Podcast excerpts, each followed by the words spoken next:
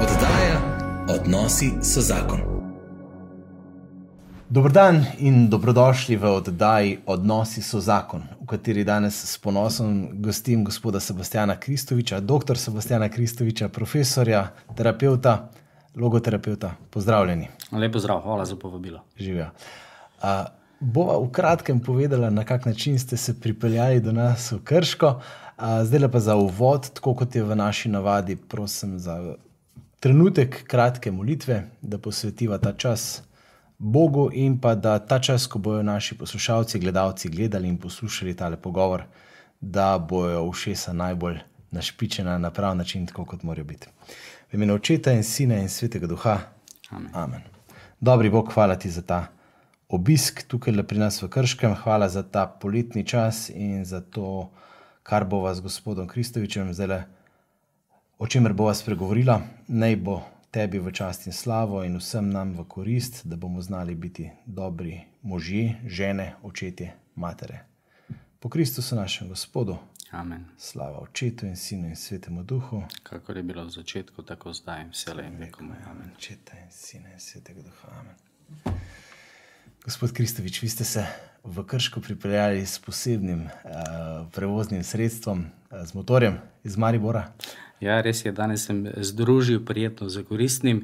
E, motor mi je en, tak, en taki hobi e, za dušo, za srce, kjer nimam telefonov, nimam računalnika, nimam pogovorov. E, tako večkrat grem, e, kako urco, dve urce, tri urce, malo na motor, e, mi tako zelo e, paše pri eni taki notranji osvežitvi in danes sem to e, združil, tako da sem prišel e, sem lepo z motorjem, mogoče še se vidi kakšno vtis od e, čelade, ampak nič hudega. Nič hudega, ne? Bravo, to se mi zdi zelo pomembno, da en tak zdrav moški, da zna združiti prijetno s koristnim in v bistvu si vzeti neki čas za nek hobi.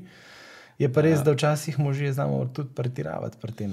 Kje, kje je tista zdrava meja? Uh, ja, uh, jaz osebno sem malo bolj nagnjen k eh, temu delu, zato si moram prav razumsko, racionalno uh, vzeti čas. Za, recimo vsako jutro grem teč, kakih 5 km, preden grem v pisarno, uh, da se človek malo tako ima en trenutek za sebe. Meni bolj odgovarja en taki aktiven čas, uh, da tudi puls naraste. Uh, pa potem tudi motor sem si prav um, kupil z tem namenom, pa še tudi kakšne stvari takšne druge, ki mislim, da morajo biti del uh, življenja, da ni človek preveč opet samo v delo in te funkcionalne uh, stvari. Tudi -hmm. si mora nekje napolniti baterije, tudi recimo kultura, umetnost, literatura in tako naprej.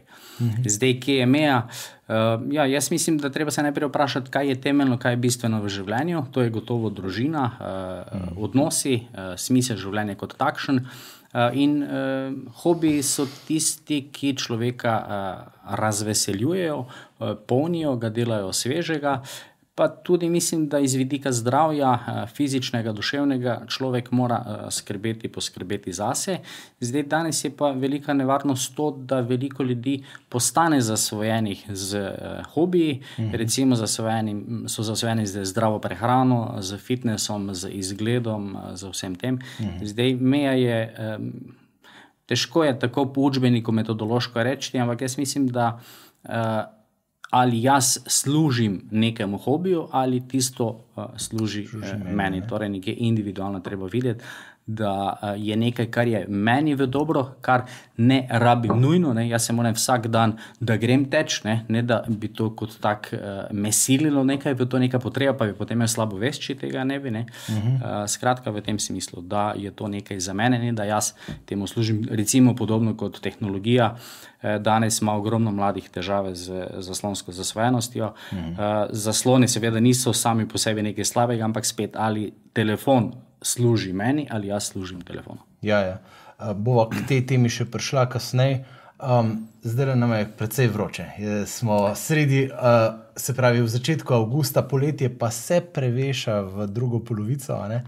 In se mi zdi, da nas, ne vem, sploh slovenci smo res. Uh, se spomnim enega kanačana, ki sem mu rekel, da gremo na more. Je rekel, ja, seveda, normalno, tipično. Se slovenci sam to počnete, oziroma pač to je edini način vaš dopusta. Ne? V njegovi percepciji je pač tako bilo. Se mi zdi, da um, na podoben način, kot ste zdaj le opisali, tudi to naše morje, oziroma dopust gore, kakorkoli, je lahko nekaj, čemur mi skoraj da včasih služimo in, in, in je to eden od naših pobegov. Um, lahko, pa ja. tudi, uh, lahko pa v bistvu služi temu, da si napolnimo baterije, da služimo našemu primarnemu namenu. Ne? Ja, spet, jaz se vedno izogibam tako, eh, takim objektivnim, generalnim odgovorom, ja. vedno je tako, uh, se mi zdi to uh, individualno. Uh, ja, do, dopust. Zdi se, da danes imamo kar malo težave z tem, kaj sploh dopust je, ali pa recimo, kaj pomeni praznovati. Uh -huh. Ali je to rojstni dan, ali je to novo leto, ali je to božič, ali je to velika noč. Kaj pomeni praznovati, če bi odvzeli pijačo in eh, jedačo, recimo. Mm -hmm. Torej, koliko se znamo sploh veseliti. Ali pa mnogi rečejo, grem na dopust, da se odklopim. To je malo vendarle čudno. Ja. Uh, zdaj, človek se vendarle, zdaj, če sem jaz fizično utrujen. Uh, ne vem, da delam v noč pozno ali kakorkoli že, ali pa kdo drug v službi, ki.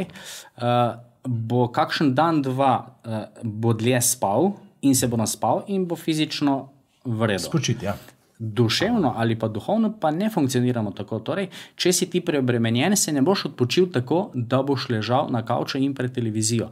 Ampak se, če tako rečem, rehabilitiramo tako da v nas prihajajo neke druge vsebine, da nekaj drugega doživimo. Mhm. Recimo, zato, ko gremo v hribe, čeprav smo utrujeni, ko gremo v hribe, pridemo nazaj povsem drugi. Ali pa na kakšen izlet, pa je to lahko mogoče dan, dva. Mhm. Zdaj pa podobne pri dopustu. Ne? Jaz bi dejal tako, da si človek najbolj oddahne tako, da dela tisto, kar rad dela kar ga notranje izpolnjuje. In zdaj uh, je spet dopust, kot ste sami že omenili, lahko je nek beg, lahko pa je neka vrnitev uh, k sebi, k odnosom. Jaz večkrat, ko imam ta predavanja, pa to večkrat govorim v tem, uh, ko se bližajo počitnice, vedno rečem staršem, svetujem, če je le možno, idite na dopust uh, sami. Uh, torej, ne za prijatelje, ne za bratranci, ne za družbo. Uh, zdaj, zakaj je to pomembno? Danes živimo v takšnem res enem hitrem uh, tempu, veliko je stresa, starši se več čas pritožujejo, nimam časa za otroke, nimam časa za ženo, recimo možje, ženske, isto, žene, ne, uh -huh. uh, mame. Uh, in se mi zdi, da danes treba zelo prav razumsko, modro premisliti, zakaj bomo porabili tisti čas, ki pa nam je nekako na voljo, da smo skupaj. In jaz mislim, da je dopust res en taki uh, poseben čas, ki ga velja maksimalno izkoristiti, da se mož in žena spet pogledata uh -huh. da se začutita. Uh, otroci so čez dan eh, zunaj v vodi, da so utrujeni, potem pa da gredo uh, čim prej v pojstvo spat, potem ja. pa se mož in žena usedeta na terasu, pa kozarec vina, spijeta, pa se malo vprašata, vidita in tako naprej. In prav tako so tudi prazniki za to namenjeni, vikendi. Današnji sodobni človek pa zgleda, da je težko sam s sabo v tišini, ja. zato ker je ta tišina pravzaprav, zakaj je težko prenašati, zato ker je pravzaprav zelo uh, glasna. Mhm. V tišini se eh, karte odpirajo, ampak jaz mislim, da za eno zadovoljno, usmišljeno, eh, predvsem pristno življenje, pa si vendar je treba v življenju. Eh, Odprt karte, jih pokazati najprej sebi, eh, ker moramo najprej sami sabo v tem smislu, uh, si upati, uh, čutiti in videti, in biti pristen, potem pa z drugim, z partnerjem, z okolico. Uh, pač z vsemi, s katerimi se srečujemo, pa tudi eh, širše. Tako da dopust je res ena taka priložnost, drugo vprašanje pa je, koliko ga res izkoristimo. Izkoristiti v to smer. Ja, ja. Eh, zanimivo je, koliko stvari v življenju je lahko priložnost ali pa skušnjava v tem smislu. Ne? Vedno um, smo v tej dvojnosti. Ja, vedno. Uh, jaz to se pa lahko pohvalim. Letos sem namenoma si čas vzel na dopustu, vsakič, ko je kako otrok, ati, ati sem prav zavestno nekaj, kar sem nameraval, ne vem, pa v kampu je to tako, da greš ali pomivati posodo, pa se otroci pomivajo. Ampak tako sem rekel, ja, povej. Pa mm -hmm. sem prav očesni stik, tako, to mi je pa nekako res letos uspel in sem, um, sem vesel, no? ker je res pomenilo, da smo si drug drugemu namenili čas. Ne? Ja, zgleda, da nekaj, kar je včasih bilo nekaj normalnega, spontanega, danes uh, pišemo zavestno. knjige in delamo znanost in raziskujemo. Gre pa preprosto za eno stvar, da živimo skupaj. Ja. Eh, živeti skupaj, kakovostno, zadovoljno, ampak vemo pa, da je življenje normalno, da pridejo konflikti, da pridejo napetosti, da se skregamo. To je del življenja, dokler smo tukaj, je pač tako. Ja. Torej, konflikti eh, v tem najširšem smislu vedno so. Drugo vprašanje pa je, kako jih rešujemo in na kakšen način jih eh, rešujemo, in ali ohranjamo tudi v tej malo težji situaciji v življenju medsebojno spoštovanje. Um, malo teže situacije v življenju. Prihaja čas jeseni, šolanja. Uh, vi ste pač strokovnjak za vzgojo, za, za šolstvo in za, tudi za, v bistvu za, seveda, za ekranske zasvojenosti, o čemer bomo tudi kaj povedala. Ampak da vam večkrat reči kakšno o pričakovanjih. Se pravi, v času, ko se pripravljamo, zdaj le, se, vem, kako nekatere mamice so imele že čist na koncu šolskega leta, so imele že kupljene vse učbenike za novo šolsko leto. Uh, pa so se druge čutile pod pritiskom, joj, mi pa še nimamo, da jim čim prej, a te tom se je to zdaj čist prekmalo. Skratka, cel ta pritisk tega šolanja prihaja nad nas, Eh, na mamice se mi zdi še mečken boljše, mal drugače. Kakšne so zdaj te vloge v družini, kako, kako jih pravilno znavigirati, zdaj recimo ob začetku šolskega leta, kot mama, kot oče, kot otrok, recimo, kako vstopiti v ta čas, da bo priložnost, da ne bo, da ne bo, uh, bi rekel, spet zahteval nekih pobegov od nas. Ne? Ja, eh, dobro ste rekli, pritisk prihaja eh, nad nas. Ne, Pričakovan. Zdaj, pričakovan ne. zdaj bi jaz vprašal, uh, od koga prihaja. Ne? Ker če nekje pritisk prihaja, ne, Ja. pol uh, ga nekdo ustvarja. Torej, kdo zdaj ustvarja ta pritisk, ki prihaja nad nas, torej nad starše, nad otroke in vse to. Mm. Uh, jaz mislim, da mogoče ne prihaja, ampak ga delamo mi, oziroma ga delajo. Uh, Družba. starši. Recimo, mm -hmm. uh, jaz, mimo grede, nekako ne maram, ko rečemo, družba je nekaj naredila, družba je takšna. ali Pa, d- starši veliko krat rečejo, družba, ne? družba, je družba je pokvarila mojega otroka, ne? družba je kriva. Ne, jaz sem družba, ne? jaz sem prvi, ki sem del uh, te družbe. Ne? In jaz mislim, da svet odraslih, v prvi vrsti starši, vršimo preveč pritiska na otroke. Uh, v svojem življenju sem delal z več tisočimi otroci, z desetinami ali pa stotinami staršev, z kolektivi vrtcev, šol in tako naprej, pa si zaradi tega upam kaj na glas o tem razmišljati. Ampak jaz mislim, da absolutno preveč pozornosti uh, dajemo vsem tem prehodnim obdobjem. Uh, se spomnim, par let nazaj, uh, me kliče ena novinarka za intervju, pa me ni vprašala, uh, kako otroka pripraviti, ker gre iz vrtca v šolo. Ampak takrat je bilo prvič, ko me je vprašala, kako otroka pripraviti na novo šolsko leto, uh, ko gre v, iz četrtega v peti razred ali iz petega v uh, šesti. Torej, nekaj, kar je včasih bilo nekaj povsem normalnega, spontanega. Mi, pa, mi nismo iz časa Ivana Cankarja, ampak smo šli v šolo tako prvi dan v šolo, da te peljal brat oziroma na avtobus. Mi smo še bili tisti otroci, ki smo hodili v šolo, ne?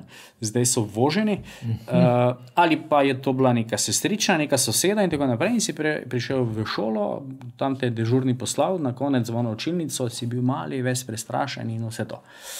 Uh, In je to bila ta zgodba, in si se malo si se bal, ti ni bilo vseeno, kako bo vse novo, ne? potem si pa nekako obenem, pa tudi osebnostno na področju samopodobe, samozavesti, si zrastel.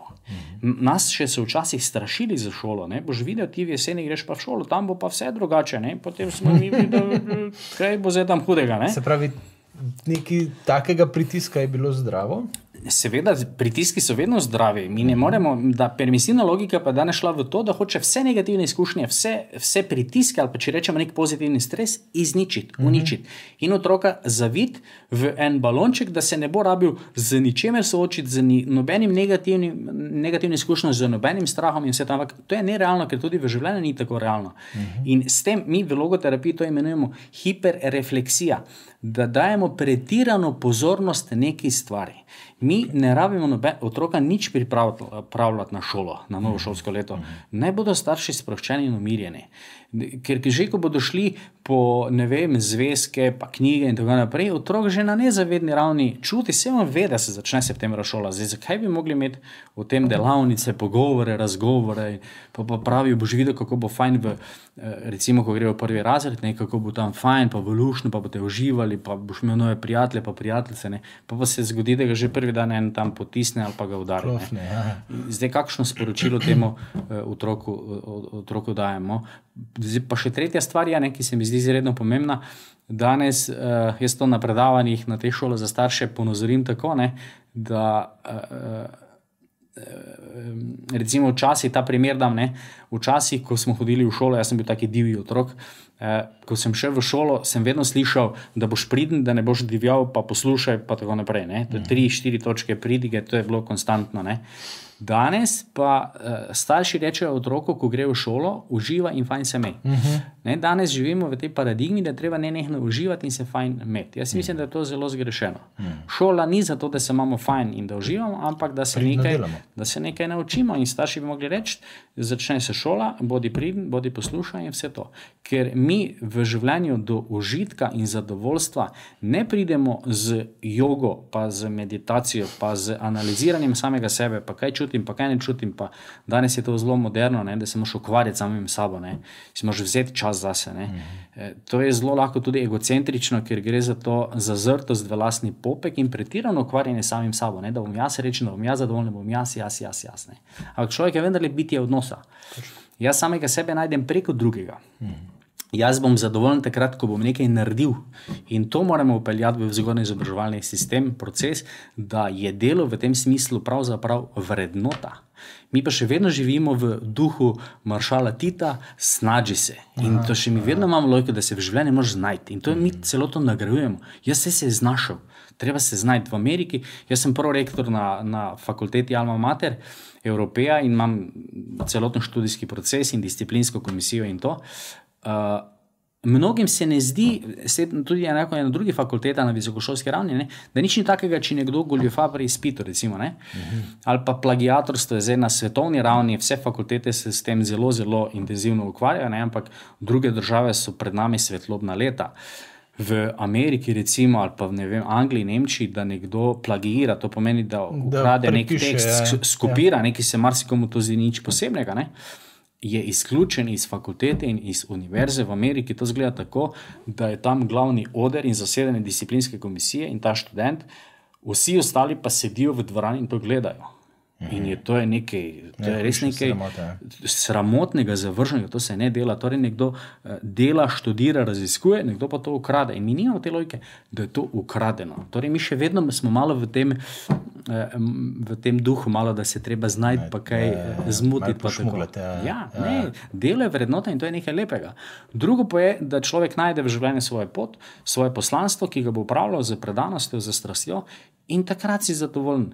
Takrat, če jaz delam to, kar rad delam, uh, ne rabim si lepiti listkov, super sem, šampion sem, uspelo mi bo, najboljši sem. Ne, ne ker mi to življenje kaže, ker mi to mhm. odnosi kaže, ker jaz to nekje v sebi čutim. Tudi če se vedno vse ne izide tako, kot sem si zastavil, ampak v sebi povem, da sem se potrudil in dal vse, kar je možno v tistem trenutku dati uh, od sebe. In jaz mislim, da nam tu nekako zmanjka na področju vzgoja in da treba otrokom zaupati. Uh -huh. Da švici hodijo v vrtec sami. Kolegica je bila tam in je otroka pripeljala enkrat, drugič je rekla: enkrat, če ga pripeljete, pa vas bomo izpisali.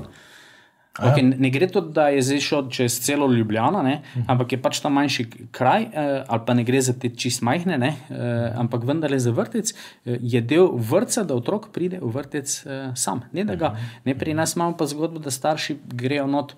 Ja. V šole, ne? se spomnim, sem enkrat imel predavanje v eni šoli, pa grem pa tam sredi hodnika, tako črta, črta. Be, bela, rdeča. To vrsto let nazaj še tega nisem videl. Pa, pa, ko grem ti jaz, vem, da sem prav opazil to črto, pa sem gledal, ne, ali kaj dela, ali kaj ne. Pa, pa ko smo šli, ko je bilo predavanje konec, pa gremo za ravnateljico nazaj, pa spet ne, sem rekel, gospa ravnateljica, me povedala, zanima, ne, kaj, kaj ta črta pomeni, ne, ker nič ne vidim. Ne. Je rekla, ja, to pa smo se dogovorili, to je črta, do katere starši smejo. Ja. Dalje smo prišli. Ja, pri nas v šoli imamo tudi tako črto. Očitno ni jasno, ja. da starši lahko ja. gredo samo niti ne do vrat, ampak do stopnic.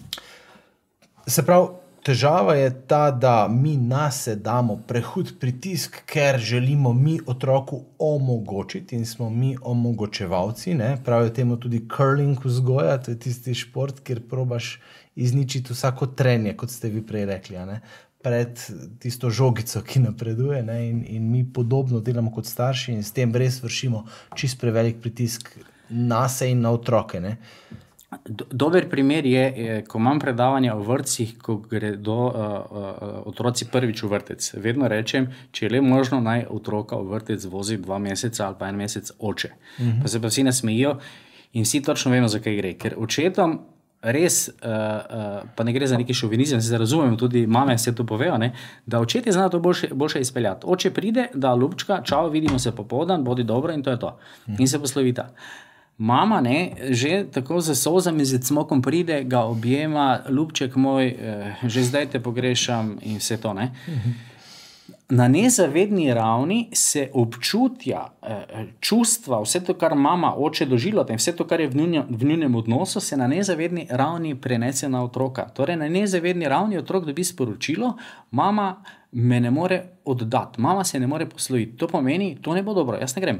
In zato se on krčevito oklepa svoje mame, mm -hmm. ker mama mu sporoča, da je ona tesnobna, anksiozna, da jo je strah, da je negotova. Mm -hmm. Otrok zdaj tega ne zna verbalizirati, pa povedati, ampak mm -hmm. se preprosto iz notranje stiske eh, joče. To pomeni, bolj kot do, bodo starši normalni, bolj bodo, če tako poenostavljeno povem, bolj kot bodo starši normalni in imeli normalen, sproščen odnos, bolj bodo tudi otroci normalni in imeli normalen, sproščen odnos. Sej, sej ne gre v vojno, če gre v šolo, ne? gre po nove izkušnje, po nove doživetje in to je nekaj lepega.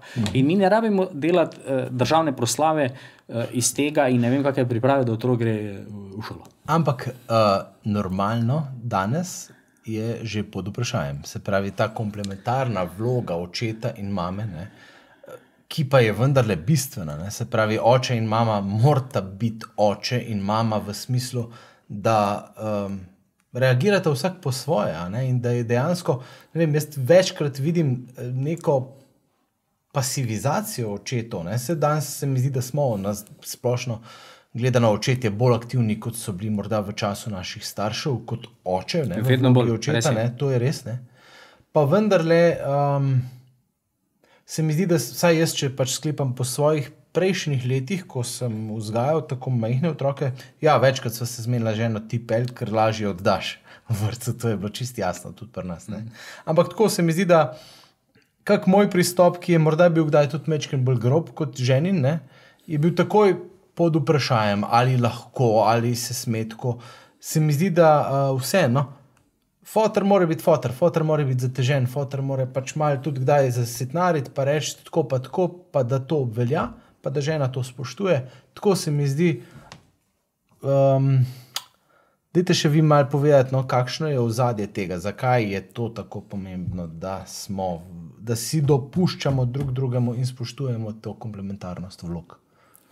Eh, ja, ko ste prej rekli, da danes normalnost eh, več eh, ni jasna ali kaj mm. takega. Uh, ja, zdaj, kako gledamo. Uh, jaz mislim, da je normalnost uh, še vedno normalnost. Mm. Zdaj, če nekdo drugi želi zamegliti to sliko, je drugo vprašanje. Ampak normalnost iz tega vidika je še vedno normalnost, ker gre za neke naravne zakonitosti. Mhm.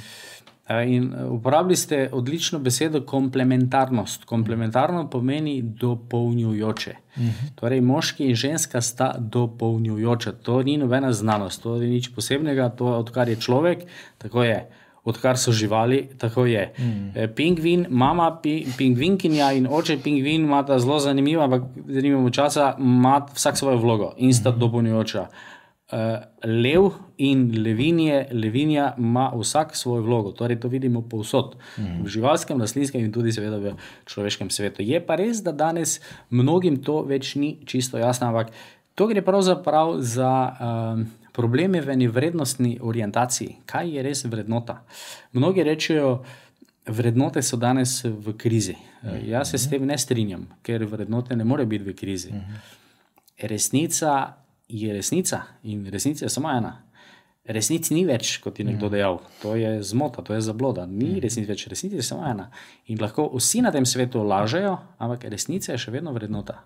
Ljubezen je vedno bila in vedno bo vrednota. In je najbolj temeljna, najbolj fundamentalna vrednota, ker mi vsi.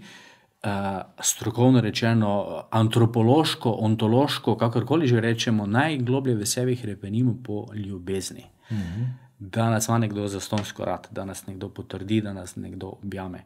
Ti ne moreš, eh, človek ne more mimo, mimo tega. Torej, gre za temeljne, fundamentalne eh, vrednote, tako kot je tudi družina, temeljna, fundamentalna vrednota. Torej, vrednote ne more biti v krizi. Je pa, v krizi, človek, je pa ja. v krizi človek, ki ne živi po vrednotah. Hmm. Mar si kdo misli, da ja, neke vrednote, to je nekaj konzervativnega, arhajičnega, danes mora biti ne, ta svoboda, ne, ki je veliko krat ni svoboda, v pravem pomenu, ampak bolj samovolja, svobodnjaštvo, delam, kar hočem, brez meja. Ampak to ni, to ni svoboda v tem smislu. Svoboda je vedno v navezavi. Eh, Na to odgovornost. Torej, odgovornost ja. Ja. Vrednote, pravzaprav, ko pravim, v krizi je človek, ki ne živi po vrednotah, To pomeni, vrednote so po eni strani eh, tudi neki eh, smerokazi, to je neki kompas, kako bom jaz živel v redu. Torej, živeti po vrednotah, živeti v redu, živeti v redu. Ne? Jaz eh, prihajam iz Maribora, mislim, rojen sem na Ptuju, eh, žena je prek Murka, živimo pa dolgo, dolgo že eh, v Mariboru in tam je seveda Slomšek glavni. Ne? Slomšek je, je dejal, drži se reda in red bo držal tebe. tebe. To pomeni živeti po vrednotah, pomeni živeti v redu in v tudi nekem redu. Tudi ljudje rabimo neki red, neki okvirje. Včasih je žena za to, hvala Bogu za njih, da moškega malo prizemlji, da ti mhm. malo pokaže okvirje. Da, če malo te začne kaj dvigovati, te lepo žena mhm. poklopi. Uh, tako, da, da čutiš, to je zelo pomembno, da človek v življenju čuti realna ja, tla. Ja pod nogami in drug drugega korigirati. In mi smo več čas v komplementarni vlogi. Mm. Že od jutra, ko se zbudimo, že zvečer, ko si rečemo lahko noč, mi smo dopolnjujoča bitja, mi rabimo drug drugega. Mm. Smo enaki in e, e enako vredni, enaki in enakopravni. To ni nobena debata, ampak mm. na svoj način, ženska na ženski, ženski način, moški na moški način. Uh, zdaj pa, če pa se vidimo, uh, da se čutimo ogrožene, Ja. In da nekdo skuša neko nadvlado, to je pa zdaj drug problem. Mhm. Ampak to ne pomeni, da moramo potem celo strukturo uh, razrušiti v tem, ja, v tem ja, smislu. Ja. Zato je zelo pomembno, da se tudi nek par uh, dobro pripravi na zakon, mhm. da ima ta odnos uh, ene globoke temelje, da sva mi dva usklajena na telesni, duševni in duhovni ravni. Uh, V logoterapiji imamo ta celosten pristop in to je izredno, izredno, izredno pomembno. Če jaz grem v odnos, da se zaljubim v, uh, zdaj ne več, ki sem poročen, ne, ampak da se moški zaljubi zaradi nekih lastnosti, uh mhm. -huh. bo ta odnos lahko prej prišel v krizo. Zato ker uh, uh, jaz ljubim to, kar ti imaš, nekaj, kar je na tebi. Mogoče zato, ker je manekenka, mogoče zato, ker ima dobre, ne vem, karakterne značilnosti, ker je simpatična. Ker je... Ampak vedno jaz, torej drugega, obratno, isto punca, ženska, moškega, ne? torej vedno jaz tebe sprejemam in je fajn s tabo zaradi nekih tvojih lastnosti. Zdaj pa slej, ko prej bodo te lastnosti se verjetno kaj spremenile in odnos bo začel uh, pokati. Ja. Ljubiti pomeni, sprejemam te takšno, kot si, uh mhm. -huh. zdaj pa znanstveno, strokovno rečemo telesno, duševno, duhovno, ampak je zelo pomembno. Torej, celovito te sprejemam. Mi skozi imamo malo te ekonomije, ne? te ljubim, te imam rad, ne pa da zdaj na morju, pa romantika, pa luno, vse to ne, te ljubim, te imam rad, v dve sekundi ti me imaš kaj rada. Ne? Mi takoj, kaj pa jaz dobim. Ne, ja, ne ja. ljubezen je brezpogojna za stonska. Ne? Po drugi strani, torej po eni strani je absolutno sprejemanje, po drugi strani pa to pomeni, bolj mi gre za tebe, kot mi gre za samega sebe. Torej za moškega, moškemu je ženska dana v skrb. Dostojevski, jaz sem velik ljubitelj Dostojevskega, je tako lepo dejal za svojo uh, Ano Grigorjevno ženo, drugo, ne, prva mu je umrla. Uh -huh. Je rekla, Ana Grigorjevna mi je bila zaupana v varstvo. Hmm. Koliko drugače bi bilo, če bi moški, eh, pa ne mislim zdaj to na neko usladen način, in tako, ampak tako, realno življenjsko, če bi moški imeli do svojih eh, žensk izbrank odnos, da so jim ženske zaupane v varstvo. Ker moški nismo močnejši zato, da bi nadvladali, ampak zato, ker smo tisti, ki varujemo, zato je moški tisti, ki mora v družini dati temeljno varnost, to je tisti fundament, steber, ki stoji in ki se ne omaja nikoli, bilo kdo se zaletava v njega. Hmm. In iz tega vidika. Uh, tukaj smo tri moški, uh, gospod Rok, tam od zadaj, in mi dva tukaj, si moramo na, naliti čistega vina, mm. da moški smo malo uh, ali pa celo fejst odpovedali v tej, v tej družbi. družbi Težko je najti, ja. da bi rekli, tam pa je. Ja, res je v javnem prostoru, kjerkoli že, ki ima tisto očetovsko, moško uh, noto. Da ima razčiščene vrednote in da jih dejansko potem živi v življenju, ne, v tem smislu. Um, vi ste omenili, da je ena vaših temeljnih uh, v bistvu. Paradigem, skozi katere gledate na življenje, je logoterapija, ki izvira iz Viktorja Frankla. Ne? Dajte nam nekaj več povedati o teh te, teoretskih osnovah logoterapije, kakšne, po čem se mogoče razlikuje od kakšnih drugih pristopov, pa kaj to resnici sploh je. No? Zdaj, eh, časa nimamo, da bi vse, da bi vse razložil. Kratko, ja. Eh, ampak eh, logoterapija oziroma eksistencialna analiza ima več področji delovanja uh mhm. -huh. kot terapija, kot psihoterapija, to je samo ena manjša veja, potem še kot antropološka naravnava k razumevanju človeka, potem je delo z trpečimi, umirajočimi, z krivdo in tako naprej. Potem sam veliko delam, razvijam, raziskujem na področju vzgoja in izobraževanja, razvijam upravljanje takih holističnih inovativni pristop v vzgoju in izobraževanju. Eh, zdaj v središču logoterapije je beseda smisel. Ampak smisel ni nekaj filozofskega, metafizičnega, nekaj, kar je tam nekje gor, pa primeš, pa najdeš. Zine, ne, ja, tako je. Ampak je. Eh, smisel so pravzaprav naloge, ki nam jih življenje daje, eh, postavlja pred nas, mi pa na njih odgovarjamo. In je odvisno glede na situacijo, glede na osebo, glede na trenutek. Mhm. Eh, da povem drugače. Več kot je v življenju dobrih, smiselnih odločitev, ta pravih, bolj je moje življenje smiselno, osmišljeno, zadovoljno, bivansko zavarovano. Več kot je v mojem življenju nesmiselnih odločitev, nepravih odločitev, napačnih odzivov, napačnih naravnav na določene okoliščine, ki jih ne morem spremeniti. Uhum. To so ponavadi okoliščine, ki mi povzročajo neko trpljenje, lahko je to vem, izguba službe, eh, nezvestova partnerja, izguba drage osebe, kakorkoli že, kako se jaz na to naravnam, kakšno stališče jaz do tega zavzamem. Skratka, več ko bo tega, bolj bo moje življenje neosmišljeno, prazno, plehko, banalno. Govorimo o eksistencialni krizi, krizi smisla, bivanskem vakumu, mnogenih nevrozah in tako naprej. In iz tega se potem začne razvijati duševne stiske, duševne bolezni, agresivno vedenje, depresije, obup, samomori, zasvojenosti, kemične, nekemične in še in še bi lahko naštevali. Mhm.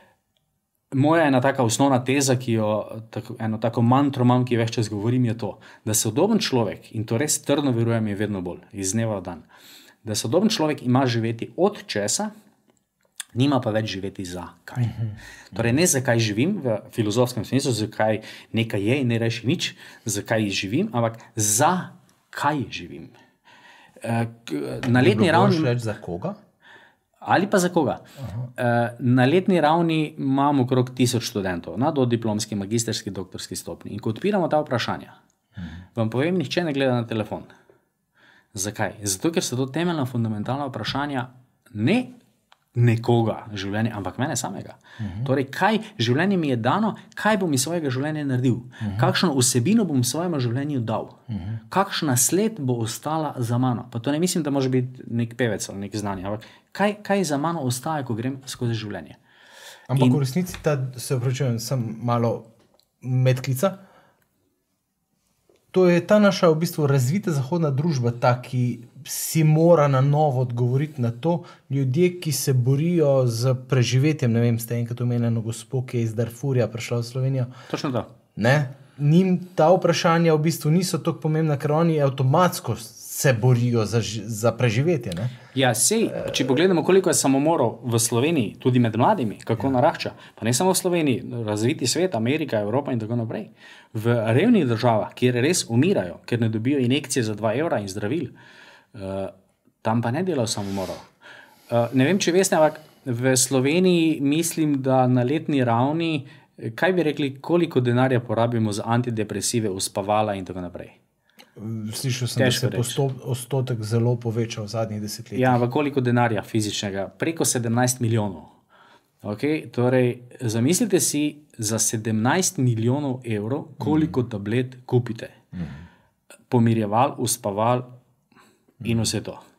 Koliko tega med mladimi? Med mladimi je v zadnjih 25 letih so duševne stiske in duševne bolezni narasle za 65 do 70 odstotkov v zadnjih 25 letih. Mi 17 milijonov porabimo, ampak to so zdravila na recept. Koliko pa je še tako, da se na črno dobi in se kupi brez recepta? Uh -huh. Zdaj pa je nagradno vprašanje. Zakaj človek ne more spati? Uh -huh. Veste, ni vprašanje, vzamem tableto pa zaspim.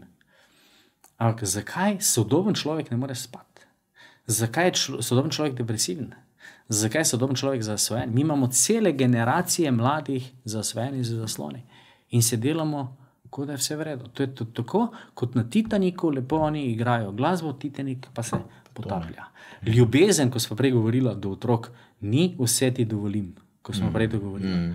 Ampak ljubezen do otroka, starš, ki ljubi otroka, bo dejal tudi ne. Mm. Ne dovolim.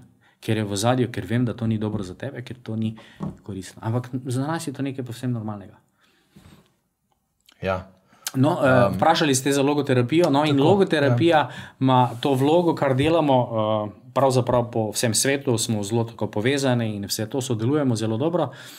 Uh, da skušamo nekako posamezniku, družbi rekalibrirati eh, kompas smisla, mm. da poskušamo dati alternativo v slovenskem prostoru, zdaj za svojo raziskovalno skupino. Tega se zelo nadejam, upam, da bo ministrstvo imelo kaj posluha za to, en taki nov pristop, uh, kjer se otroka upošteva kot telesno, duševno in duhovno bitje. Pravzaprav to ni nič posebnega, to vemo že od antike, da je človek telesno, duševno in duhovno bitje.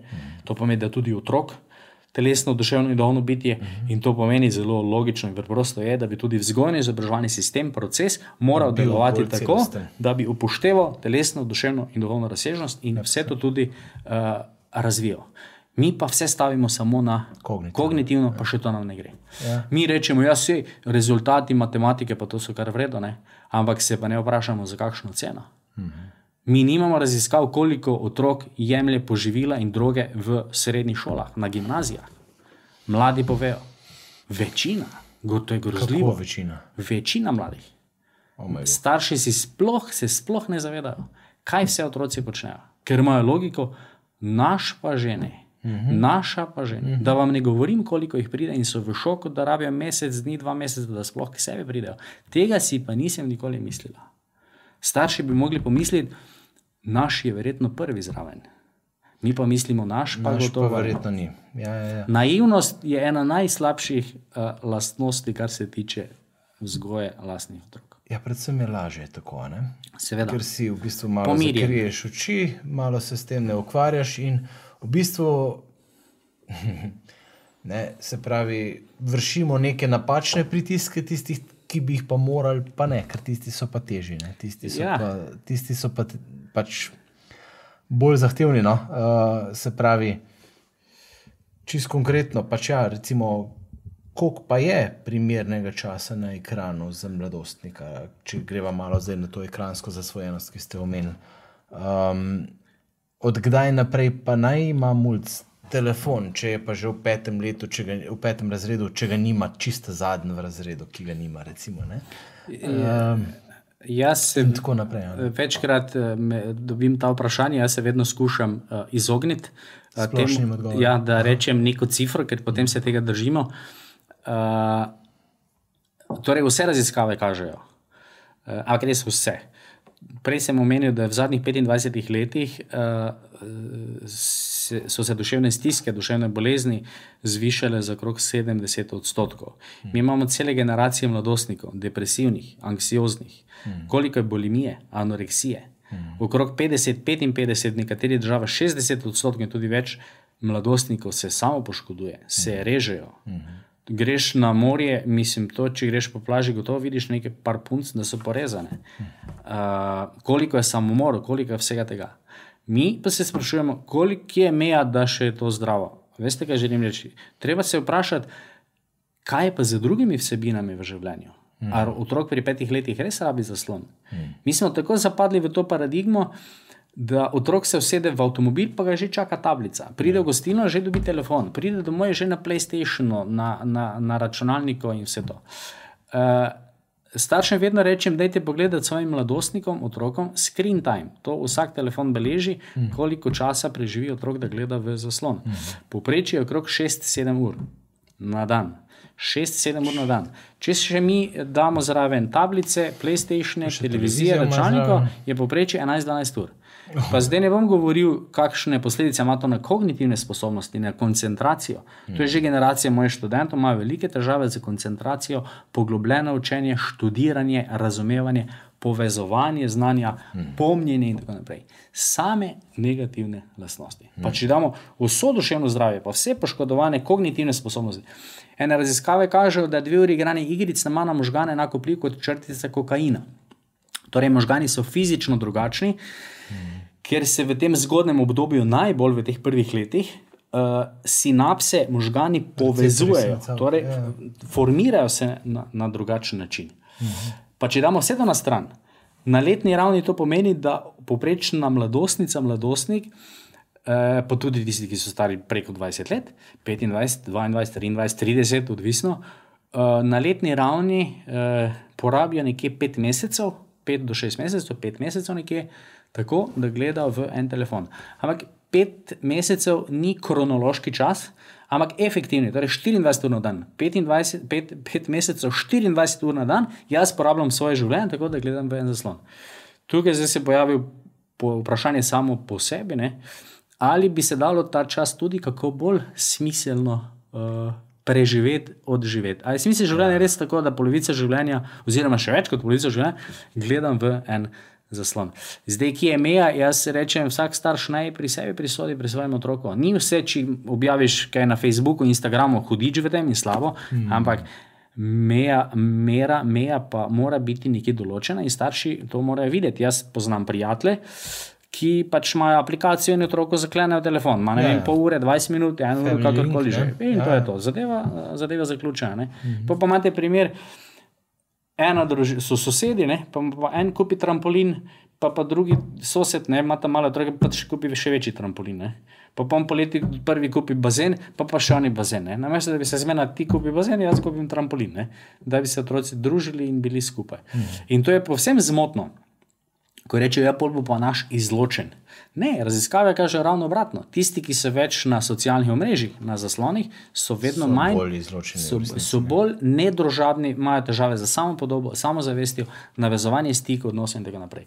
Ampak zdaj, kaj je pa ključno, izziv staršev ni, da prepovejo ne, vojaško, Ja. eh, represivno, ja. ampak izziv je to, kaj bodo starši dali na mesto teh zaslonov.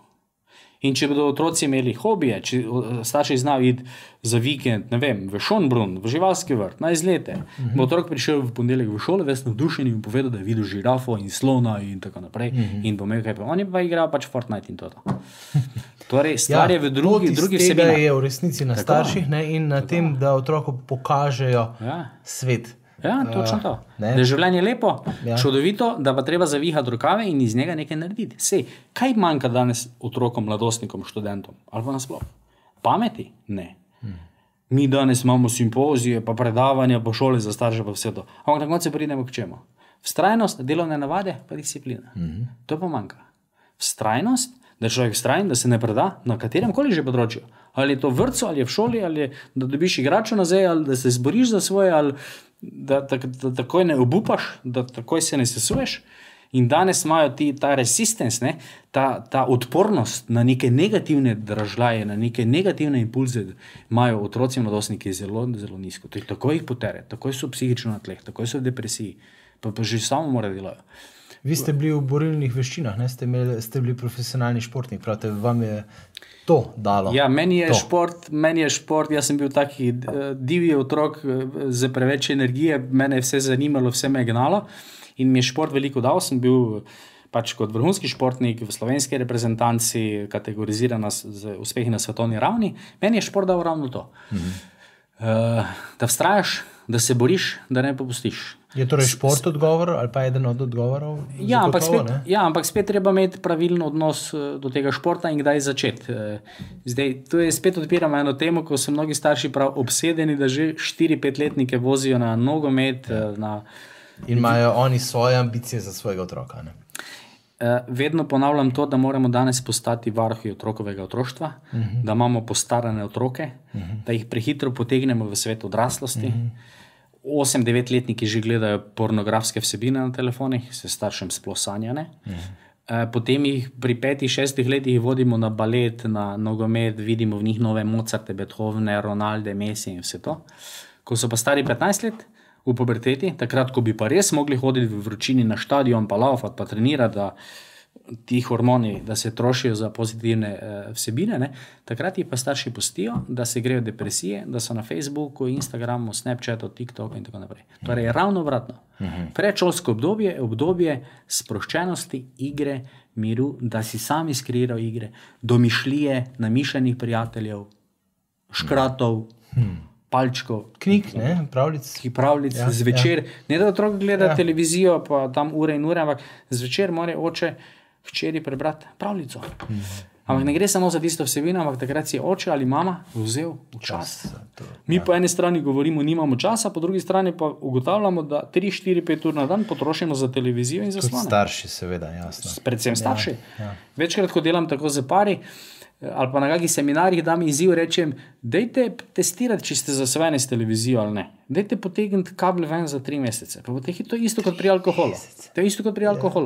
Če jaz nimam težav z alkoholom, ga pač tri mesece ne bom niti kapljice popil. Če nimam težav, če pa imam težave, bo pa težava. Mhm. Ampak posebej pa starši eh, ali pa pač partnerji. Ne, eh, Srečamo, kje je bila težava. Ni bila težava, da nismo gledali televizije, ampak težava je v tem, kaj bo vam zvečer. Ja početi počela. Ker se pa imamo 3, 4, 5 ur, zdaj pa treba dati temu eno vsebino, ker mi imamo, se spomnim, ko sem prišel k enemu kolegu.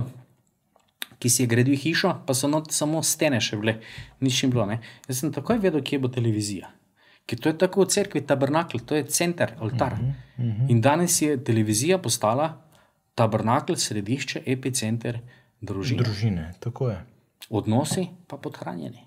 Mi danes gremo, se je začel že turizem na Luno, pa Mars, pa tehnologija, vse vrhunska, ampak odnosi, to pa je ovinek, ki nas nese vse ven. Ali je to na družinski ravni, ali je to na, na, na, na neki družbeni, ali civilizacija kot taka, na vseh področjih poka in prasketa.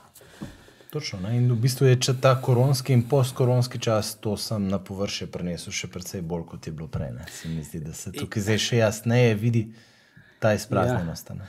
Mnogi pravijo, ne, eh, kaj je korona naredila, pa duševno zdravje, pa mladostniki, pa otroci, pa debelostne. To jaz ne pristanem na to. To sploh ni korona kriva. To Pokazala je že vse, je, to je že vse bilo. bilo prej. Korona je samo intenzivirala to, kar bi se zgodilo verjetno v 10-15 letih, se je zgodilo v enem letu, v dveh letih ali pa celo v par mesecih. Uh -huh. Vse tisti čas, ko je trebalo biti doma, je bil pravzaprav uh, zelo kratek. Ne? takrat so bili eni v hudi stiski. Mhm. To je bilo strašno, nevzdržno, kaj nam delajo, kaj nam počnejo. Mhm. Zdaj, meni se tu pojavi vprašanje, ali je res tako hudo biti s svojo družino doma. Mhm. Da je nevzdržno, da, da so ne, policija imela ogromno intervencij, ogromno je bilo nasilja. Ne. To pomeni, prišlo je nekaj na površje, stiska, eh, jaz sem to slišal, Ne, stiska, pa se mi zdi dobro prisotno, stiska vedno stisne. Ne. Stiska stisne in, in, in pride ven pač tisto, kar, kakšna vsebina je. In jaz mislim, da če ne drugo, da a, bi se vsak, a, ker jaz vedno računam na posameznika, bi se moral vprašati, kaj je, je pa meni ta korona kriza povedala, kaj je pa meni odprla, ne, kje sem pa jaz v tej zgodbi. Sej, v končni fazi delamo takšno katastrofo, ampak dedek moj je preživel drugo svetovno vojno, bil mm. v Rusiji, ljudje so res trpeli. Mm. Zdaj je COVID, pa ne rečem za tiste, ki so bili res bolni, da se razumemo, ne? Ja, ja. sploh ne šli, ampak za večino ljudi pa. A, Vse smo pa vse imeli za jesti, pa za pit, pa, pa vse je bilo. Ne. Ampak se mi zdi, da recimo prav ta strah, ta anksioznost je v tem času zelo prisotna, tudi zdaj pač ob tej vojni v Ukrajini, pa ob tej energetski krizi, pa zdaj strašijo, kako bo. Danes sem pelete dubo, tako da hvala Bogu. ja, čudež. um, moj dedek je pa tudi prav tako rekel, ne? ko ti enkrat nad glavo švigajo krogle, ne? se pol za zlepa ne bojiš več, kaj bo pa kako bo. Ne? Um, Če se tako zelo bojimo, ne? Frankl je pa preživel taborišče. Frankl, Frankl je preživel uh, Auschwitz, Dachau, Terezijan štat. uh, ker je bil jut na Dunaju. Uh, ubili so mu ženo, s katero sta bila devet mesecev poročena. Tili je bila tudi noseča, izgubila očeta, mamo, brata, praktično vse. On je bil zdravnik, psihiater. Ko se je vrnil na Dunaj, je tehtal uh, 37 kg. Uh, tukaj se vedno človek vpraša, jaz to vedno govorim, ne, ker o tem predavam. Ampak vedno, ko govorim, mi vedno tako uh, se v meni prebudi vprašanje, ali je imel Frankl razlog, da zapade v depresijo, v samopomilovanje, da ga je strah, da se zapije. Ne. Zdaj, psihoanalitično, freudovsko bi rekli, se drugo ni preostalo in bi tudi propal. Ne. Ampak Frankl je vendarle ohranil ta življenjski smisel in to je postal človek z 29 časnimi doktorati. Uh, zdravnik, psihiater, utemeljitelj logoterapije, eksistencialne analize, vabili so ga najbolj eminentne fakultete, univerze iz celega sveta, samo v Ameriki, imel preko 100 predavateljskih poti. Napisal je knjigo Troc Demjacom Leben Zagen, uh, to je v slovenskem prevodu, kljub vsemu, vsemu reči že reči da. da, ja. To priporočam vsem uh -huh. uh, za prebrati. To je knjiga, ki jo ono, američani rečejo must have, ki jo uh -huh. moš imeti doma. Uh, napisal je v osmih dneh, najprej je hotel, hotel izdati, brez da bi se podpisal, ker ne gre za klasično knjigo, da nekdo opisuje grozote, ampak kako je nek kot psiholog ne, -huh. doživel in opazoval vso to, uh, vso to dogajanje. Uh, in Frankl, zakaj to govorim, ker Frankl v tej knjigi podobno pravi kot vaš dedek. Uh, ko je to preživel, je Frankl tam nekje napisal: rekel, Zdaj, ko sem vse to preživel, se ne bojim ničesar več, razen svojega Boga. Torej, ljudje, ki so dali take hude stvari skozi, se ne bojijo ničesar več, razen v tem smislu Boga, torej nečesa, kar, kar me presega. Zdaj, eh, postavili ste mi zelo težko vprašanje, na katerega ne znam odgovora, kaj se bojimo. Po eni strani je normalno, da se bojimo. Mm. Uh, starši za svoje otroke, niti ne mogoče toliko za sebe, za prihodnost, ker v svetu se res ustvarja ena taka klima, mm -hmm. uh, veliko teh napetosti, zdaj ta ameriški obisk na Tajvanu. Ne, nisem politik, ne vem, zdaj, ali je to provociranje potrebno ali ne, kakorkoli že. Yeah. Skratka, vso to dogajanje, uh, uh, Ukrajina, uh, Rusija, jaz zadev ne vidim črno-bele, ker mislim, da so zelo pisane. Vprašanje, -hmm. kaj vse je v zadju, kakšne agende so v zadju, kaj se v zadju dogaja, to mi, navadni smrtniki.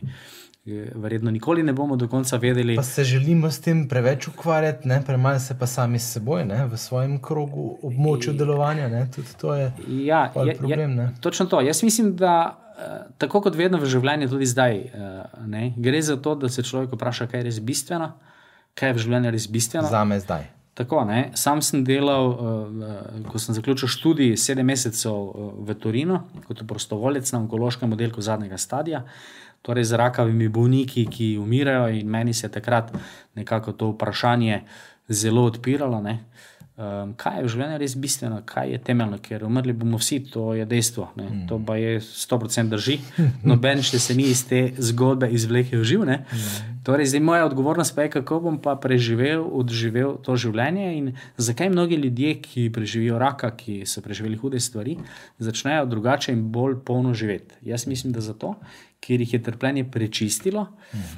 Uh, in so dobili en globli uvid v to, kaj je v življenju res bistveno in temeljno. In jaz mislim, da je to največje ali pa zelo blizu največje modrosti uh, življenja. Mm. Mi v sodobnem času, ki je čas radikalnega individualizma, radikalne svobode v smislu samovolje, svobodnjaštva, mrzličnega hlepenja po moči, užitku. po oblasti, po užitku, ravno zato, ker ni osmišljenega življenja. Logoterapeutske raziskave so pokazale, da kdo ima življenje neosmišljeno, prazno, plehko, banalno, tega začne voditi uh, hlepenje po užitku in po, in po moči. Torej, v zadju je neosmišljeno, prazno, izpraznjeno uh, življenje in potem začnemo pač. Prijemati in vlačiti, in reševati, in tudi odreševati uh, samega sebe, glavni pogon je pa ego v zadju, ego, jaz, jaz. Uh, jaz. In v sodobnem času, uh, ki je izrazito potrošniško, kapitalistično naravnan, ne, to se je začelo z nečakom od Freuda, Brnejsom, ki je na začetku 20. stoletja začel razmišljati o tem, kako. Ljudi prepriča, da bodo kupovali to, kar ne rabijo. Uh -huh. To, dajte, mogoče kaj prebrati, se to je na spletu, imate, ampak je zelo zanimivo. Na tečaju prav, o denarju, na seminarju o denarju uh -huh. imamo te stvari. Ja. Zanimivo. Ja. Prav sistemsko, ker do takrat so ljudje kupovali čevlje, ker so jih rabili. Uh -huh. pa, pa, pa nogavice, pa hlače in to. Ne? Potem pa je človek začel kupovati tega, kar ne rabi.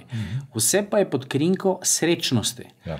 Zato, če pogledate reklame, ne, tam so vsi ljudje srečni, nasmejani, pa na pol nage ženske, ne, torej se pritiska na tiste najbolj primitivne, ne mislim v negativnem smislu, ampak prvinske instinkte, ne, ja. ker jaz dobim idejo, vseeno, da če bom uporabljal to zobno pasto, bo pa vse v življenju drugače. Ne.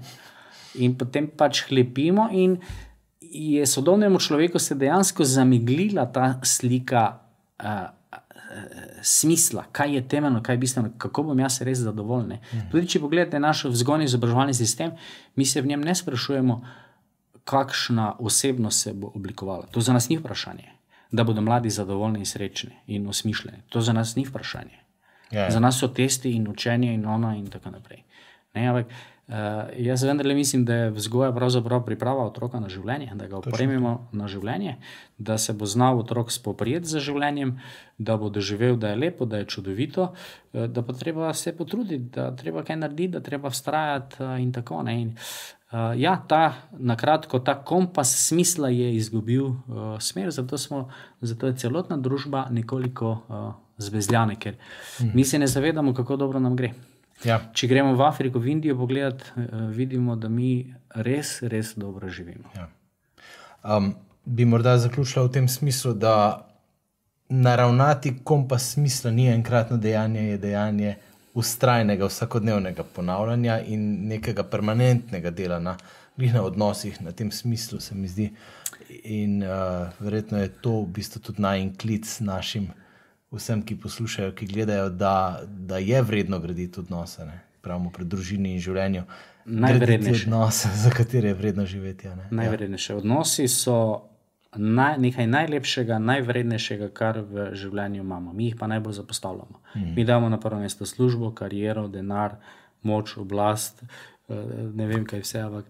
Uh, odnosi, uh, ne, tudi slovenska beseda sreča v glagolniški obliki srečanje. Ne.